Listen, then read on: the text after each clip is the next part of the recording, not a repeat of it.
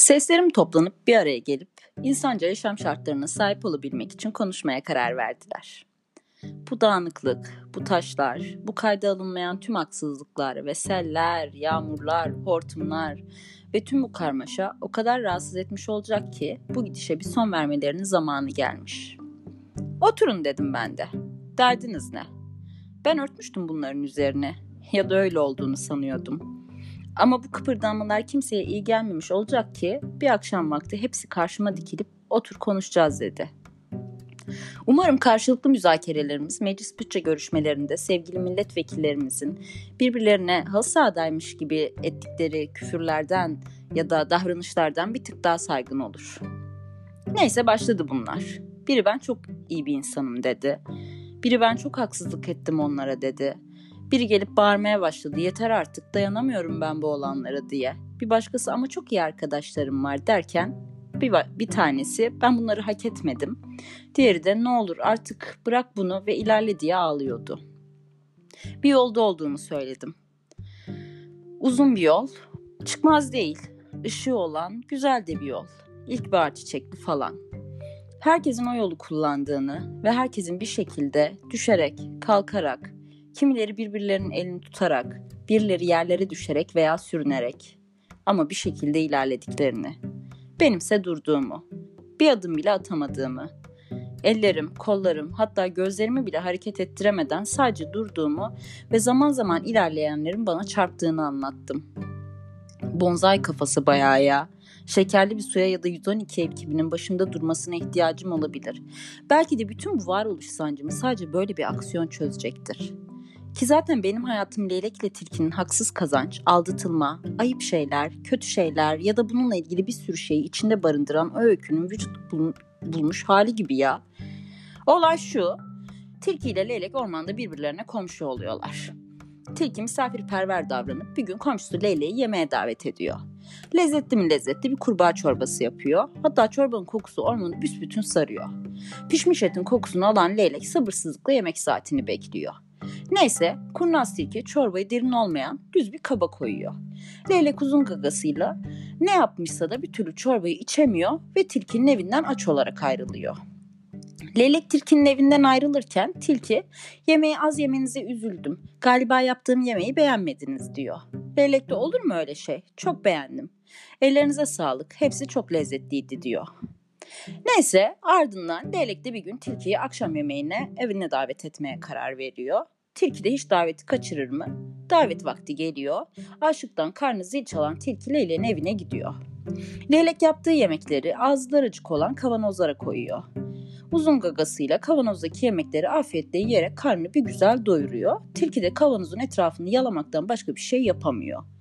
Tilki evden ayrılınca ümit ederim ki bu yemek daveti için sizden özür dilememi beklemiyorsunuzdur diyor. Hayatta aramızda böyle bir anlaşmazlık ve nezaketsizlik var gibi. Abi benim daha iki hafta önce aşık oldum. Fakbedim sevgili yapmış ya. Hayata sunduğun tabak yanlış ki ben bu hikayede e, bazen leylek bazen tilki oluyorum. Karşıma tatlı tatlı minnoşluklarla sunuluyor. Ki zaten tilki bence işte insanlık edip çağırmış. Hayvanlık edip mi çağırıyor? Neyse iyilik edip çağırmış. Daha ne yapsın yani? Normalde masala göre asıl öğrenmemiz gereken birilerini üzersek ya da aldatırsak karşılığını bir şekilde alacağımız. Ama ben çok başka şeyler anlıyorum. Bir, leylekli tilki ne alaka ya? Hadi bir şekilde komşu oldunuz. Orman kanunları. Okey de ne bu samimiyet? Ezop masallarına olan kızgınlığım Hande Yener'in tek tonsu şarkı yapma işini bırakıp saçma şar- sapan şarkılar yapma hüznüyle yarışıyor. Sonra seslerimden biri de o sırada bağırıyor. Yine kaçıyorsun. Bir dur ya. Daha önemli sorunlarım var. Leylek o gece tilkiye gitmek yerine kendine daha benzeyen birine gitmeyi seçseydi hem aç kalmayacaktı hem de gereksiz işte tilkiden intikam alma güdüsüyle eve çağırma gibi olaylara girmeyecekti. Hem de aldatılmış da hissetmeyecekti. Tilki atadığı zorunlu nezaket kurallarından tilkiyi sorumlu tutamıyorum ben. Leyleğin olmaması gereken bir yerlerde bulunmaya çalışması ile ilgili bir sorun var bence ortada. Tilki zaten bildiğin tilki. Düşünmemiş, nezaketsiz. Leyleğin tilkiye inanmış olmasının sorumlusu da tilki değil bence. Buradan birine kötülük yaparsak onun bize inanmasının sorumlusu biz değiliz gibi berbat bir anlam çıkıyor da kendimi sorguladım. Tatsız oldu. Ama tilkilerin tilki olduğunu, değişmeyeceğini, değiştirme çabamızın boş olduğunu artık öğrenmemiz gerekmiyor mu ya? Bıraksak mı bu minnoş ya? O öyle değil safsatalarını. Yo, o öyle biri. O bir tilki ve onun kendi doğasına haksızlık etmesini bekleyemeyiz. Kaldı ki ben burada tilkinin yaptığı bir kötülük olduğunu da düşünmüyorum da hadi masala göre. Ha biz tilkiyi böyle kabullensek okey. O zaman önümüze koyduğu tabağa da okey olacağız.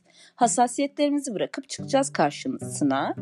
Ben bu tabağa rağmen bu masada oturacağım ve seninle güzel bir yemek yiyeceğim arkadaşım tilki diyeceğiz. Bize çocukluğumuzdan itibaren anlatılan masallar bizi yenikleştirmiş olabilir mi ya? Hassas kalplerimiz leylek olmayı daha çok içselleştirip her tilkiyle yemek yediğimizde oy bana neler yaptı demek kolaycı bir yol da olabilir. Bir de tilki olmayı deneme girişimlerimiz var tabii. Elimizde patlıyor falan. Tilkiye karşı tilki olmaya çalışıyoruz. Bunları bir halletmemiz lazım ya. Konuşmak bana ne kadar iyi geliyor. Şu son cümle, cümlenin arkasına şey tilkiye karşı tilki olmaya çalışıyoruz arkasına bir Demet Akalın Atarlı Giderli şarkısını eklemek aşırı ilgi iyi, iyi olmaz mıydı? Olurdu. Ben Rubar arkadaşlar. Aşkın ve acının diyarından hepinize selam ediyor, esenlikler diliyorum. Sıradaki şarkıyı bunu dinledikten sonra Fakbadi ne demek diye soracak olan anneme armağan ediyorum. Hoşçakalın.